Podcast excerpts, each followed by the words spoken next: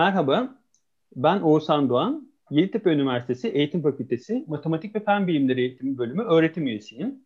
Merhaba, ben Hülya Kılıç. Ben de aynı bölümde öğretim üyesiyim. Bir önceki podcast'imizi erken çocukluk döneminde matematik ile tanışmamızı, matematikle olan gelecekteki ilişkimizi nasıl etkileyebileceği konusuna ayırmıştık.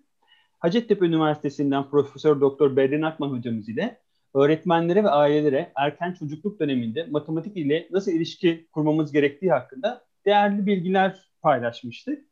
Ee, bugün kaldığımız yerden devam etmek istiyor ve ilkokulda çocukların matematik ile resmi olarak tanışma, belki de tabiri caizse matematiğe ilk resmi adımı atma sürecine odaklanmak istiyoruz.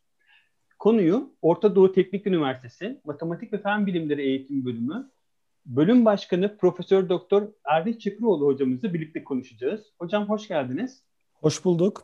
Sevgili Hülya, sevgili Oğuzhan. Nasılsınız? Teşekkür evet. ederiz hocam. Sağ olun. Siz nasılsınız? Teşekkür, Teşekkür ederim. Pandemi döneminde iyi olmaya çalışıyorum. Evet. Ee, hepimiz, hepimiz ve bi, bu anlamda bizi dinleyenlere de mutlu bir 2021 diyelim. 2021'in ilk günlerinde e, yaptığımız bu yayında. Ee, Oğuzhan Hoca'nın da belirttiği gibi kaldığımız yerden devam edelim istiyoruz. Hocam, e, çocuğun matematiğe karşı olumlu tutum geliştirmesi ve matematiksel düşünme becerilerini edinmeye başlaması için ilkokula geçildiğinde okul öncesi dönemde temelleri atılan kavramlar nasıl geliştirilmeli? Aslında e, dünyadaki genel trend de şöyle bir şey var. E, okul öncesinin eğitim sırasında matematikle ilgili düşündüğümüzden çok daha fazla e, şeyler geliştiriyor. Çok daha fazla beceri ve bilgiler geliştiriyor çocuklar. E, bir ara Amerika Birleşik Devletleri'ndeki okul öncesi eğitimiyle Türkiye'yi karşılaştırmıştık. Neredeyse bizim birinci sınıfta öğret, öğrettiğimiz çoğu şey orada 5 e, yaş grubuna öğretiliyor. Ya da öğretiliyor demeyeyim de onlarla e, buluşturuluyor. E, dolayısıyla hakikaten birinci sınıfa çocuklar epey dolu geliyorlar. E, yani hiç formal eğitim almasa bile dolu geliyorlar. E, birinci sınıfta bu nasıl devam ettirilmeli? Aslında çocukların o informal yaşamlarından alıp matematiğin biraz o formal dünyasına yumuşakça bir geçiş yapmak herhalde bana en doğrusuymuş gibi geliyor. Ee, ama bununla ilgili çeşitli yaklaşımlar var. Yani mesela şey e, yaşam temelli giden yaklaşımlar, beceri geliştirme temelli giden yaklaşımlar, ne bileyim işte e, yurt dışında duyduğumuz bu İngilizcesi cognitively guided instruction yani bilişsel e, rehberlikli e, öğretim yoluyla gitme gibi daha böyle bilişsel gelişimi temel alan yaklaşımlar var. Ama sonuçta öğrencinin o mevcut bilgilerini, o, o evden, okuldan, çevreden getirdikleri o informal e, düşünüş biçimlerini e, formal matematiğe geçecek şekilde e, e, bir öğretim yapmak e, gerekiyor. Yani onlar yokmuş gibi davrandığımızda da, davranmamız çok doğru bir şey değil ilkokul matematiğinde. E, yani çok genel anlamda bunu söyleyebilirim ilk kısa bir cevap olarak. Belki buradan hani, hocam geçen e, programımızdaki konuşmada oyunun önemi gerçekten vurgulanmıştı. Hani Berin hocamız da oldukça işte, e, okul öncesi çağda oyunla beraber matematikte kurduğumuz bir ilişki var. E, bu oyunu biraz da ilkokulun ilk yıllarına taşımak, hani oyunlardan kopmadan belki o yumuşak geçişe yardımcı olabilir mi? Ne dersiniz? Oyunlar bu anlamda sizce ya da oyunlar dışında neler önerebilirsiniz?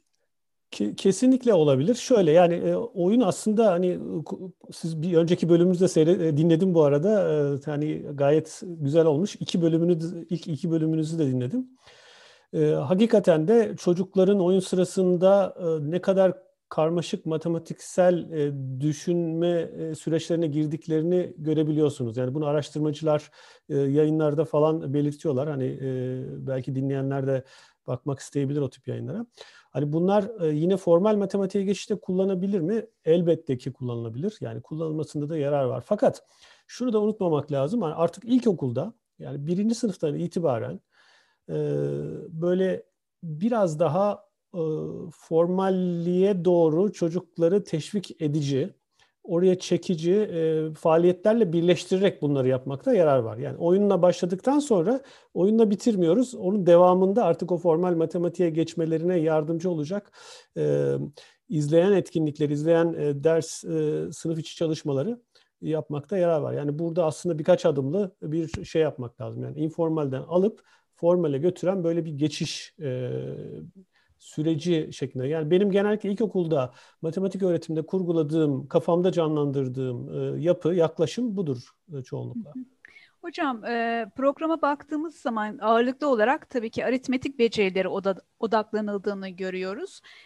Yani formal matematik derken ve bununla birlikte tabii ölçmeye ilişkin günlük yaşamda karşılaştıkları kavramlara da örneğin işte saatler, uzunluk, ağırlık gibi yer verildiğini görüyoruz.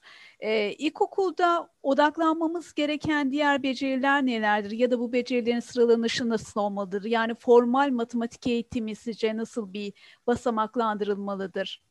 E, bu konu bazlı değil de beceri bazlı soruyorsun değil mi Hülya? Evet, evet. E, şimdi e, biz biz çalışmalarımızda temel aldığımız beş tane, dört tane e, bilişsel beceri var. Bir tane de duysal e, yönü var. E, yani toplamda beş ediyor. Bunlardan iki tanesi çok şey, bir kavramsal gelişim, bir de işlemsel gelişim. Yani çocuk kavramları çok özümseyerek öğrenecek. Bunu da ancak ilkokul küçük yaşlarda hani günlük yaşantısıyla irtibatlandırarak en iyi şekilde yapabiliyoruz. Ama işlemleri de iyi yapacak. Yani hatta orada şey kavramını kullanıyoruz. İşlem akıcılığı. E, bu zaten hani sizler biliyorsunuz. Hani ben dinleyicilerimiz için özellikle açıklıyorum. E, işlem akıcılığı yani İngilizcesinde computational fluency diyorlar. E, bu yurt dışında da birçok ülkede e, sistemli bir şekilde e, çocuklara ilkokulda kazandırılmaya çalışan şeylerden bir tanesi kavramla birlikte. Bu ikisi zaten hani var olan hani yıllardır vurgulanan şeyler ama bununla beraber e, bir tane akıl yürütme dediğimiz bir e, şey var. Yani bu akıl yürütmede e, matematikte bildiğim doğrular doğru mu gerçekten? Yani matematiksel olarak bu benim yaptığım çözüm doğru bir çözüm mü? Bu söylediğim şeyler doğru mu? Geçerli şeyler mi? Neden geçerli peki?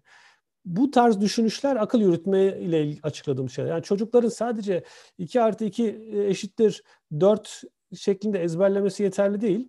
Bunu niye dört? Yani bana bir açıkla dediğimiz zaman bunu e, çeşitli yollardan bize açıklayabilmeli yani. Matematiksel bir diyaloğa girebilmeli, gerekçelerini falan açıklayabilmeli. Bu akıl yürütme dediğimiz beceri. Bunun gelişmesi çok önemli matematikte. Aslında matematiksel düşünceyi geliştiren şeylerden bir tanesi. Bir diğeri de e, stratejik yetkinlik dediğimiz literatürde öyle geçen e, aslında bir problem durumuyla karşılaştığında o problemi çözebilecek fikirleri ortaya çıkarabilme becerisi. Yani e, öyle bir günlük yaşamında bir matematiksel durum var. Yani bir şeyi ölçmesi gerekiyor. Onu e, bir kesir kesire bölmesi gerekiyor. Ne yapacak? Yani mesela dört buçuk santimlik bir şey var. Buçuk dedi diye bir şey bilmiyor. E, dört e, beş tane birim kullandı. Diğerinin yarısını kullanacak. Orada e, bunun cevabını verebilecek e, fikirler üretebilmesi. O fikirlere strateji diyoruz zaten. O strateji üretebilme becerisi. Ee, yani bu e, kavram ve işlem akıcılığına ek olarak strateji ve akıl yürütme becerilerini de eklediğimizde aslında matematikte e, öğrencilerin ihtiyacı olduğu en önemli altyapıyı hazırlamış oluyorsunuz bilişsel olarak. Bir de bir duyusal yönü var. Hani bu bunlara ek olarak o duyusal yönü de tabii matematiğe değer verme. Hani matematik ben matematik çalışırsam öğrenirim ya da ne bileyim e, ya yapamasam bile yapmaya çabalamak kıymetli bir şeydir gibi bu, bu tip düşünüşler hani matematikçiler bunları biliyorlar hani genel olarak bunun kıymetli bir şey olduğunu ama bunu ilkokuldan itibaren öğrencilere kazandırmamız gerekir. Yani bir soru yapamak dünyanın sonu değil ama yapmaya çabalamak çok önemli. Mesela bu tip şeylerde bu, bu da işin duysal yönü. Hani beş tane saydım herhalde e, çok karıştırmadan anlatabilmişimdir umarım ama. Yok hocam gayet bunları, saydınız. Bunlar çok önemli geliyor bana ilkokulda. Bence ilkokulda matematikte kazandırılması gereken en önemli şeyler bunlar. Hocam bu şeyi konusunda duyusal konuda belki hani bilişsel becerilere çok odaklanıyoruz ama duyusal beceriler bazen gözden kaçabiliyor diye düşündüğüm için hani şeyi e, bu yapabilirim hissini hani de konuşabilir miyiz bunlar arasında? Yani çocukta yani yapamıyorum ya da işte çalışırsam yaparım ya ben yapabilirim hissini yaşatmak hani bu anlamda küçük yaşlarda matematiğin böyle sadece belli bir yetenekli çocuklara özgü bir şey olmadığını hissettirmek de bunun bir parçası sayılabilir mi? Yani e, bu önemli gerçekten. Burada bunu yapabilmenin yollarını düşünmek lazım. Bu mümkün. E, nasıl yapılır? E, burada aslında sınıftaki öğrenme kültürünün büyük bir önemi var. Yani mesela bizim yaptığımız uygulamalarda hani birinci sınıfa geliyor çocuklar. E, şimdi soruyorsun parmağınla e, işte 5 göster diyor ya da 4 göster diyorsun. normal parmakla tek elin parmakları 4 gösteriyor. Çocuğu bir tanesi bir eliyle 2'yi gösteriyor, öbür eliyle de 2'yi gösteriyor. Yanındaki çocuk ona daha okulun ilk ayları bu arada birinci sınıf. Yanındaki çocuk diyor ki öğretmenim yanlış gösteriyor bak diyor böyle göstermesi lazım diyor. O da o da 4 gösteriyor, o da 4 gösteriyor. Şimdi e, böyle bir kültürü sınıfta eğer e, zaman içerisinde elimine etmezseniz yani onun gösterdiği de orijinal, farklı, senin gösterdiğinde ikinizinki de güzel ve birbirinizin yanlış da olsa birbirinizin söylediğini asla e, bu şekilde eleştirmeyin. Farklı olarak anlayın, görün ama e, böyle birbirinizle alay etmek, eleştirmek bunlar böyle şeyler katiyen yok. Bu, bu kavramı, bu algıyı ya da bu davranış biçimini çocuklara birinci sınıftan itibaren ilkokulda kazandırmak zorundayız. Böyle olmayınca yani sadece öğretmenden değil, akranlar da e, birbirine yapam ben matematiği yapamam duygusunu veriyorlar. Yani aa nasıl yapmış? İşte bu yanlış yaptı gibi yani sınıfta çocukların böyle doğal hani onların hani genel sosyal davranışları içerisinde bu tip şeyler e, hani oluyor. Ama bunların aslında olmaması gerektiğini, daha pozitif davranışlara çevrilmesi gerektiğini bilmemiz gerekiyor. Bunu yaptığımız zaman aslında matematik öğrenme için çok daha uygun bir ortam sağlamış oluyoruz okullarda. Evet.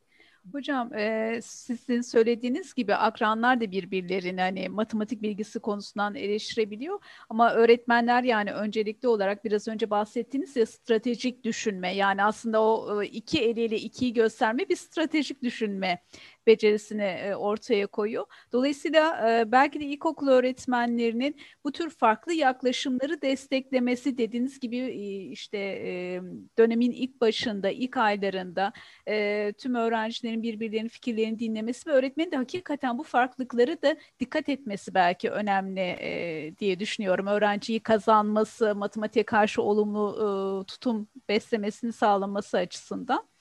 E, peki hocam size bir de şunu ya, sormak istiyorum. Efendim. Geçmeden şeyle ilgili de o kendi öğretmenlik zamanından da bir deneyimim var. Hani böyle e, velilerimle konuşurken kendi çocuklarının hani matematik yapamayacağına dair ya ben anlamıyorum. Benimki de anlamaz. Böyle hani e, Erdinç Hoca akranlara, sen öğretmenlere bu anlamda uyarılarda yapar. Hakikaten bence aileler de bu işin parçası. Böyle matematiği yapılamaz ya da demin de söylediğim gibi belli yetenekte bazı öğrencilerin yapabileceği bir e, dağılmış gibi algılanması da ailelerin de bir rolü varmış gibi görüyorum. Gerçekten velilerimle konuşurken ben hani çocuklarının matematik yapabileceğine dair onları ikna etmek zorunda kaldığım durumları çok yaşamıştım. Ee, yok hayır yapabilir hani siz sayam yani bu anlamda bu matematikle sizin aranız e, iyi olmayabilir belki ama o oğlunuzun kızınızın olacak merak etmeyin hani bu anlamda e, onların da yapabileceğini velileri ikna etmek için öğrencilerden daha fazla çaba harcadığımı hatırlıyorum. Aslında öğretmenlik bu yüzden zor bir iş. Yani e, herkes e, konuyu bilip anlatmaktan ibaretmiş gibi düşünür. Hani bu işin mesleğin dışında olan insanlar. Ama sanki adeta bir orkestra şefi gibi öğrencilerle, velisiyle, kendisiyle, meslektaşlarıyla o sınıf içerisinde pozitif bir öğrenme atmosferi e, oluşturmaya çalışmak e, gerçekten e, incelikleri olan bir iş. E, mesleki inceliklerini bilmeniz gereken bir iş. O yüzden hani öğretmenlik bu anlamda herkesin de yapabileceği bir şey gibi düşünülmemesi gereken bir meslek diye düşünüyorum. Evet hocam katılıyorum. Biraz önce söz arasında e, yaptığımız çalışmalar dediniz. Sizin e, ilkokul birinci sınıf öğrencileriyle yaptığınız bir proje var. E, ilk adım projesi. Bu projeden öne çıkan bulguları da dinlemek isteriz hocam. Ee, nasıl bir çalışma yürüttünüz? Ee, bizimle ve dinleyicilerimizle paylaşacağınız ne tür bulgular elde ettiniz? Ee, evet, e, bu projemizde e, biz e, ilkokul birinci sınıf matematiğini biraz tasarlamaya çalıştık. Tasarlamak derken hangi öğrenme çıktılarına nasıl ulaşabiliriz sorusuna e, cevap vermeye çalıştık. Yani bazı öğrenme çıktıları hani e, öğretim programında olan şeyler hani şunlar şunlar ama bu demin saydığım beceriler özellikle bağlamında o becerilere nasıl ulaşırız? Hangi davranışlarla, hangi adımlarla gidersek, ne tip beceri, alt becerileri geliştirirsek o üst düzey becerilere ulaşırız diye. E, o, o anlamda bir e, çalışmaydı. Bu çalışmayı biz e, bir e, ilkokulda iki sene boyunca e, sürekli sınıflarda e, uygulayarak yaptık. Birinci sene uyguladık, e, ikinci sene tekrar uyguladık düzeltmelerini vesairesini yapıp ve her dersi gözlemledik. Birçok dersi öğretmenlerle birlikte bizim ekibimiz e, dahil oldu. Birlikte öğrettik e, ondan sonra ve e, yaptığımız bu şeylerin sonuçlarında e, inceleyerek bir sonrakini ona göre tasarladık vesaire.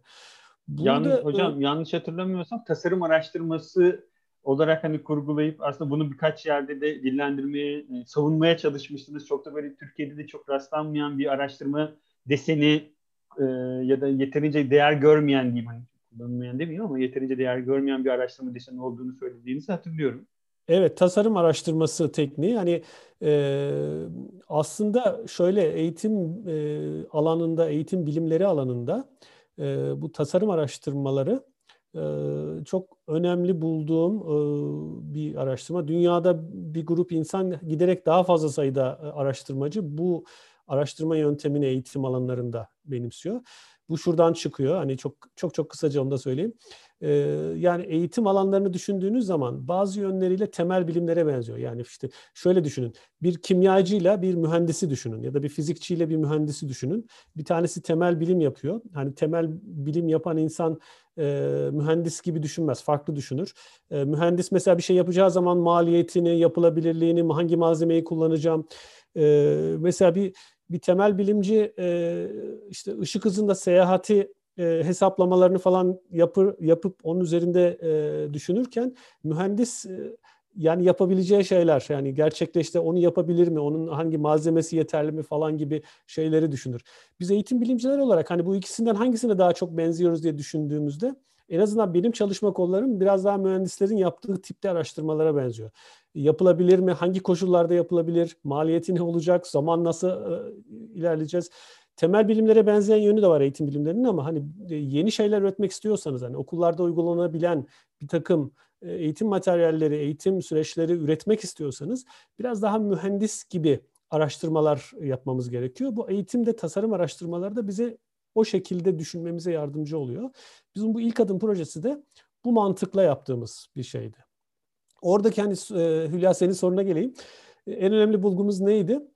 E, aslında bu demin saydığım o beş beceri var ya, bu beş beceriden, bu beş ayaktan bunun gelişebilmesi için yani matematik yeterliklerin gelişebilmesi için hepsine ihtiyacımız olduğunu gö- gördük burada net bir şekilde. Yani biri diğerini besliyor. Mesela çok iyi kavram geliştiriyorsunuz çocuklarda ama işlem akıcılığı yok. Çocuk e, yani büyük bir eksiklik yaşıyor. Bir sonraki şeyde hatta kaygı bile geliştiriyor. Çünkü işlem akıcılığı eksik olunca kavram güçlü olsa bile yani bu bunlar hani beyin araştırmalarını takip edenler bilecektir. Beynin farklı bölgelerinde gelişiyor. Yani birini geliştirmeniz diğerinin otomatikman gelişmesini sağlamıyor. İkisini ayrı ayrı geliştirmeniz gerekiyor. Hani bunlar zaten bildiğimiz şeyler ama hani biz bunları nasıl yapacağımızla ilgili bir takım şeyler yapmıştık. Nasıl geliştireceğimizle ilgili. Birbirlerinin ne kadar e, beslediğini e, gördük. Mesela bu strateji geliştirmeyle ilgili. E, daha akıcı olanlar çok daha üst düzey stratejiler geliştirebiliyorlar. Ama kavramı eksikse yine geliştiremiyor.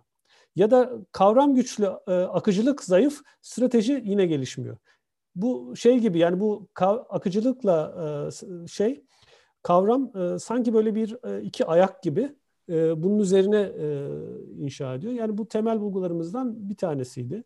Yani ama şunu görüyorsunuz öğrencilerin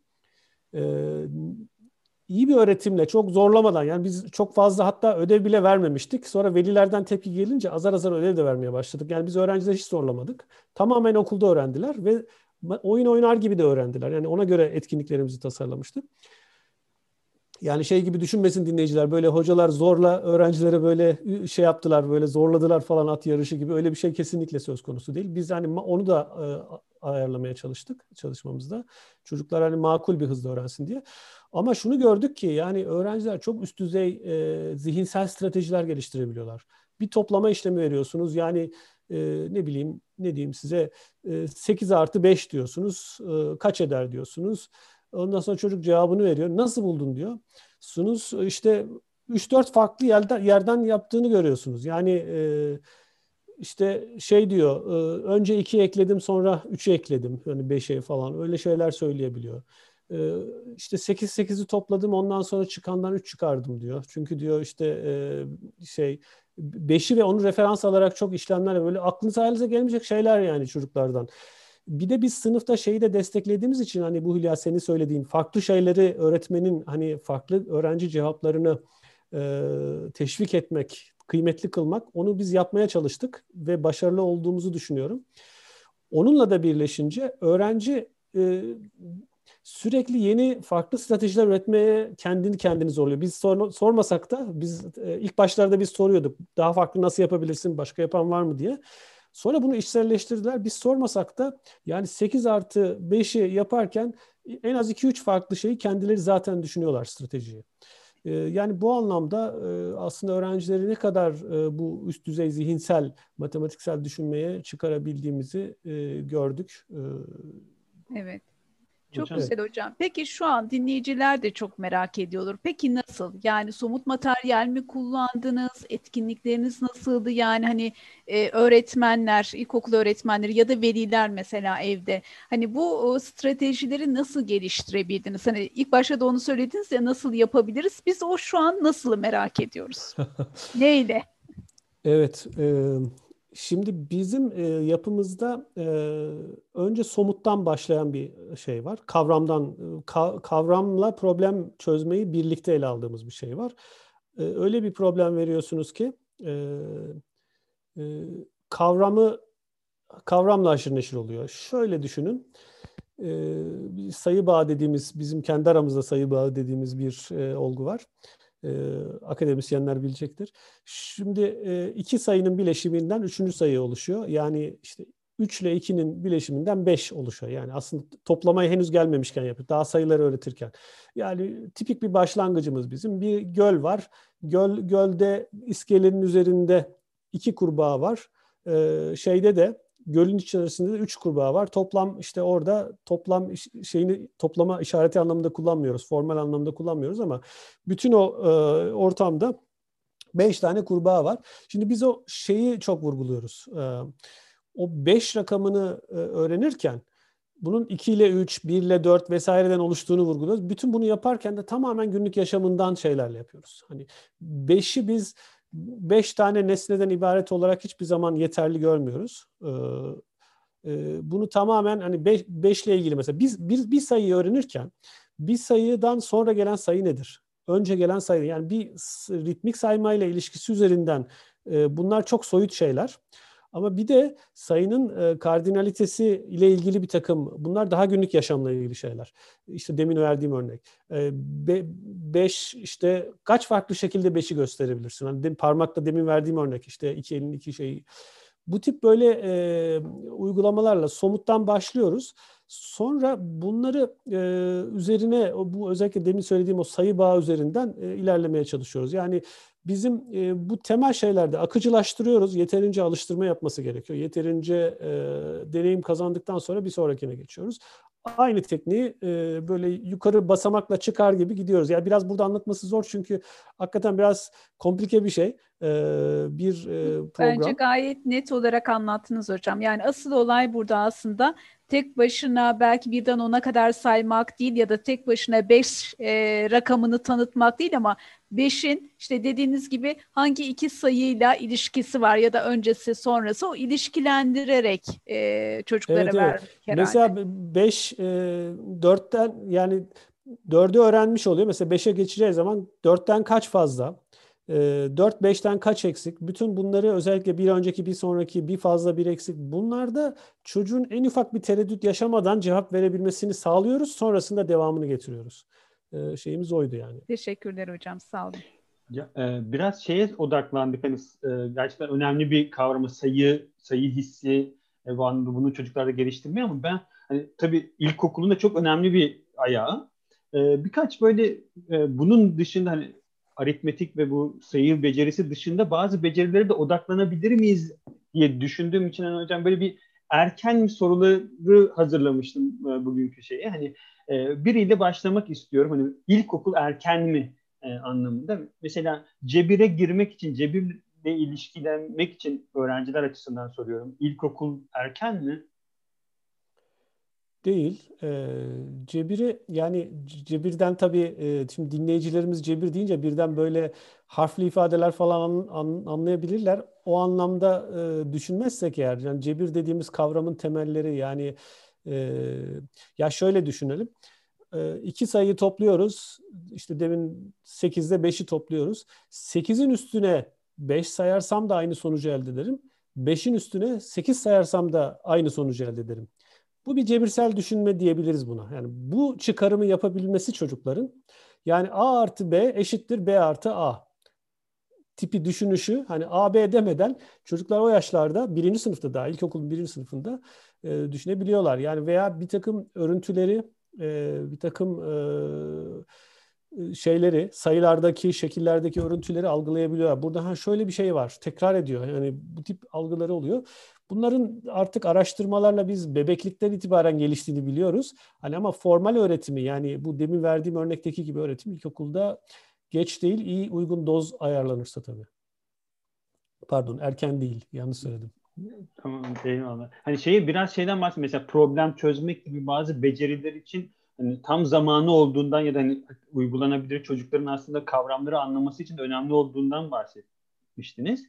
Ee, böyle hani e, bu anlamda bizim aslında daha üst düzey sınıflara bıraktığımız bazı matematiksel beceriler var. İşte hani o cebir bunlardan biri, bazen problem çözme bunlardan biri, matematiksel evet. modelleme mesela bunlardan biri. Ki bir sonrakinde müsaade ederseniz onu sormak istiyorum. Hani matematiksel modelleme ya da işte biraz daha hani günlük hayat durumlarını matematikle ifade etmek için ilkokul erken bir çağ mı?